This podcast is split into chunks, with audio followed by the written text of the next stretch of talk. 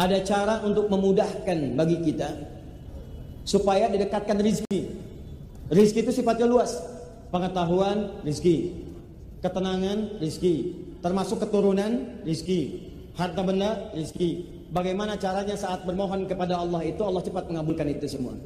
Rumus cepatnya buka Quran surah ketiga Ali Imran ayat 35 sampai 37. Kalau orang tua menyiapkan ini dari awal bahkan maka anak yang akan dijamin mudah rezekinya oleh Allah dari sisi yang orang tuanya tidak menduganya.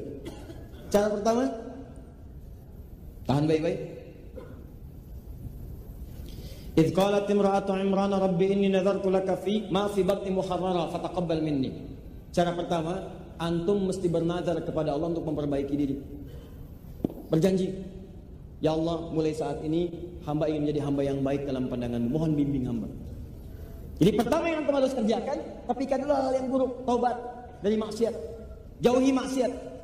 Kalau ingin semua dimudahkan oleh Allah dan doa cepat diijabah, apa pun yang dimintakan seketika. Bahkan hebatnya belum minta sudah dipenuhi. Ada orang-orang yang belum bermohon langsung dikabulkan oleh Allah. Dia belum bermunajat. Besoknya tiba-tiba maaf akan bekerja orang macet dia mudah. Tiba-tiba rezekinya datang dari sisi yang tidak dia duga. Mau belanja makanan, makanan datang ke rumahnya. Pengen beli buah, orang ada yang ngantarkan. Belum dikerjakan, jawaban datang. Cara pertama bagaimana cara mendapatkan itu semua? Pertama, bahasa Qur'annya, antum perbaiki diri dulu. Tobat. Tobat. Bahkan bahasa Qur'annya, kalau seorang ibu ya Allah saya bernazar, anak ini saya siapkan jadi anak baik. Siapkan. Kalau kembali kepada kita, janji kepada Allah, ya Allah saya tobat ya Allah. Saya berjanji akan menghilangkan semua segala hal yang engkau anggap buruk. Saya akan berusaha. Pertama tobat. Dua. Tahan. Wa inni sammaituha Maryam wa inni u'idzu bika wa dzurriyyataha minasyaitonir rajim. Masih kaidah tobat, tinggalkan kemudian bujuk rayu setan, jauhi perbuatan maksiat yang paling indah. Ini bagian keduanya. Perhatikan baik-baik. Yang kedua, siapkan diri untuk berbenah untuk meningkatkan ibadah kepada Allah Subhanahu wa taala dengan meningkatkan level yang tidak biasa. Tahan. Level yang tidak biasa. Contoh. Orang siangnya makan, antum puasa. Orang puasa Senin, antum tambah Kamis. Orang Senin Kamis, antum ayamul bid. Orang ayamul bid, antum puasa Daud, bisa. Orang puasa Daud sudah nggak ada lagi. Dia Daud saya Sulaiman, oh, nggak bisa. Nah, ini udah ngaco. Pokoknya intinya, setiap ada peluang meningkatkan yang lebih baik, antum ambil level yang lebih tinggi. Malam, malam orang tidur, antum tahajud. Orang dua rakaat, empat rakaat. Orang empat, antum enam. Orang enam, antum delapan. Orang delapan, antum sepuluh. Tambah witir satu. Ingin tingkatkan lagi, silakan, gak ada batas. Kata Nabi, sepanjang menekat kepada fajar. Tingkatkan, tingkatkan, tingkatkan. Begitu antum lakukan semua itu, apa yang terjadi? Maryam pernah disiapkan oleh ibundanya. Orang ibadah biasa, biasa di tempat biasa, di rumah. Maryam beda, langsung dibikinkan mihrab. Mihrab. Orang di tempat biasa, Maryam dibuatkan mihrab. Orang tahu dengan kalangan biasa, beliau mencari guru terbaik namanya Nabi Zakaria. Jadi bukan bukan cara yang biasa. Orang cuma belajar dengan orang biasa, ini dicari orang yang paling bagus, Nabi Zakaria. Orang belajar di tempat biasa, ini dibikinkan tempat namanya mihrab, spesial mendekat kepada Allah.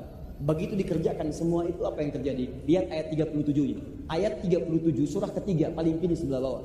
Fataqabbalaha rabbuha biqabulin hasanin satu wa ambataha nabatan hasanah dua. Ketika seseorang berikhtiar, satu, dia bertobat dari maksiat yang dikerjakan. Kedua, dia bertekad lebih baik mendekat kepada Allah dari sebelumnya dan bisa menyaingi amalan orang lain. Dia tingkatkan amalannya lebih daripada yang biasa. Maka kata Allah, saya akan terima semua ikhtiarnya. Nih yang hebat. Wa ambataha nabatan hasanah. Dan saya akan perhatikan setiap pertumbuhan hidupnya, saya berikan apa pun yang dia butuhkan. Yang dahsyat, kullama dakhala alayya Zakaria al-mihraba wajada indaha rizqa. Yang paling hebat, yang Nabi, Nabi Zakaria. Maryam disiapkan, Maryam mendapatkan apa yang belum didapatkan Nabi Zakaria. Apa itu? Semua rizki-rizkinya langsung Allah yang siapkan. Setiap Nabi Zakaria masuk ke mihrabnya Maryam, sudah ada yang dibutuhkan. Kunci mihrab gak ada yang pegang kecuali Nabi Zakaria. Bawa makanan sudah ada, bawa buah-buahan sudah ada, bawa pakaian sudah ada. Musim apel ada apel, musim jeruk ada jeruk. Yang hebat bukan musim apel ada apel. Itu yang dasar. Begitu ditanya, "Ya Maryam anna laki hadza?" Maryam dari mana semua ini? Lihat jawabannya. Qalat huwa min indillah. Semua langsung diberikan oleh Allah. Inna Allah yarzuqu may yasha. Ini kuncinya. Bighairi hisab. Allah akan memberikan rizki tanpa batas, mudah dan tanpa batas. Kata manusia ada batasnya, kata Allah nggak ada batas. Sepanjang dia dikehendaki oleh Allah. Kaidah ilmu tafsirnya, jika ada kalimat di Quran, siapa yang dikehendaki, itu maksudnya jadilah antum bagian dari yang dikehendaki. Bagaimana menjadi yang dikehendaki? Tadi satu bertobat kepada Allah dari maksiat, yang kedua tingkatkan amal soleh dari yang standar biasanya. Paham? Kenal Nabi Ibrahim? Tidak, bagus. Nabi Ibrahim ujian contoh terakhir Nabi Ibrahim ujian terbesarnya setelah berumah tangga sudah sepuh tidak ada keturunan pada saat itu. Dari Sayyidah Sarah. Antum tahu nggak kapan itu dikabulkan? Dikabulkan ketika beliau beramal soleh melebihi standar manusia pada umumnya. Kedatangan tamu malam-malam di Quran surah 51 ayat ke-24 sampai 30 paling kanan sebelah bawah. Tamu datang malam-malam. Kalau kita jam dua setengah tiga lah menjelang subuh datang Tadinya ke tempat Nabi Lut, cuman mampir ke tempat Nabi Ibrahim. Malam-malam, Assalamualaikum, Assalamualaikum. Hal ataka hadithu dhaifi Ibrahim al-mukramin? Iddakhalu alaihi faqalu salama. Eh, kata Allah pernah enggak kalian dengar kisah Nabi Ibrahim? Yang kedatangan tamu malam-malam. Assalamualaikum, Assalamualaikum. Dijawab oleh Nabi Ibrahim Waalaikumsalam. Saya tanya dah pada Ini pertanyaan pernah saya sampaikan di Bekasi juga. Antum kalau malam-malam nanti nih yang setengah tiga Kedatangan tamu Agak banyak suaranya di luar. Assalamualaikum, assalamualaikum. Dibuka nggak? Dijawab nggak salamnya? Enggak. Tuh. Ini yang bahaya. Men menyampaikan salam hukumnya sunnah, tapi menjawab itu wajib. Perkara antum mau buka atau enggak urusan antum. Tapi minimal antum jawab. Assalamualaikum. Waalaikumsalam. Waalaikum. Waalaikumsalam. Waalaikum. Waalaikumsalam. Buka dong. Enggak. Siapa di luar? Sate 200 tusuk. Begitu dibuka Nabi Ibrahim, kaum mungkarun, ini orang asing, bukan penduduk sini. Kalau bukan penduduk sini berarti perjalanan jauh, capek, lelah.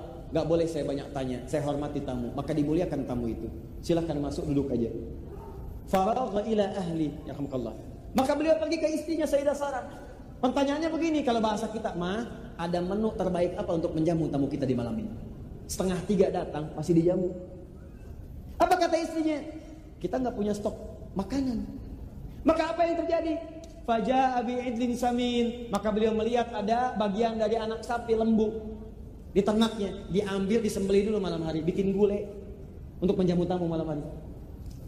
Petiwa kemudian faragha ila ahli fajabi bin samin faqarabahu ilaihim. Dibawa gulai dihidangkan kepada tamunya.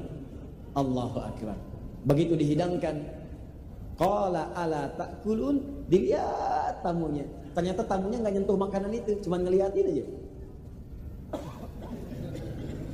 Ah, dilihatlah oleh Nabi Ibrahim secara terperinci semuanya. Begitu dilihat dari ujung kepala sampai ujung kaki, kakinya tak napak ke lantai. Ini tamu antum malam-malam setengah tiga dikasih hidangan. Tiba-tiba kemudian hidangannya sudah disampaikan, antum duduk di dekatnya, Gak, gak dimakan dilihat aja begini. Begitu dilihat kakinya nggak napak ke lantai. Pertanyaan saya, dah rambutnya panjang, jubahnya putih, ya napak nggak ke lantai di dekat antum duduknya. Pertanyaan saya, bagaimana suasana antum pada saat itu? Apa yang antum dengar? Jangan bilang lari, sudah nggak sempet. Sudah nggak sempet. Makanya bahasa Qurannya fa'au jasamin hum khifah maka beliau mulai merasa takut takut yang sudah bisa nggak bisa mengelak namanya aujas takut tapi udah nggak bisa menghindar mau menghindar bagaimana makhluknya di sini semua. Maka ketika seperti itulah kemudian orang-orang itu berkata qalu la takhaf wa ghulamin ali mereka berkata kamu nggak usah takut Ibrahim kami malaikat yang sedang menyamar kami sebenarnya pengen datang ke tempatnya Lut tugas untuk menghancurkan umatnya Lut yang durhaka kepada Allah. Tapi kami mampir ke sini atas perintah Allah. Ternyata engkau muliakan kami luar biasa. Jadi mampir tengah dini hari masih dimuliakan. Begitu dimuliakan itu kata malaikat kamu jangan takut. Kami datang membawa kabar gembira. Karena amalanmu ini maka Allah berikan kabar gembira. Istrimu akan mengandung melahirkan seorang anak yang cerdas. Yang dimaksudkan bukan Hajar, Sarah alaihissalam. Nah, Sayyidah Sarah itu mendengar kalimat itu, kedengaran di, di balik dirinya terdengar. Kan kalau rumah-rumah tempo dulu gak seperti sekarang. Begitu terdengar akan punya anak mengandung, padahal beliau itu sudah sepuh, sudah monopos, difonis dan mandul, maaf. Apa yang terjadi? Allahu Akbar. Tiba-tiba setelah kalimatnya fabasyaruhu bi gulamin alim fa aqbalat imra'atuhu fi saratin fasakkat wajhaha wa qalat ajuzun aqim. Tiba-tiba keluar dari tempat beliau mendengar itu mengatakan sambil menekuk pipinya, apakah yang seperti ini masih mungkin punya keturunan? Jadi beliau seakan tak percaya, mungkin gak begitu?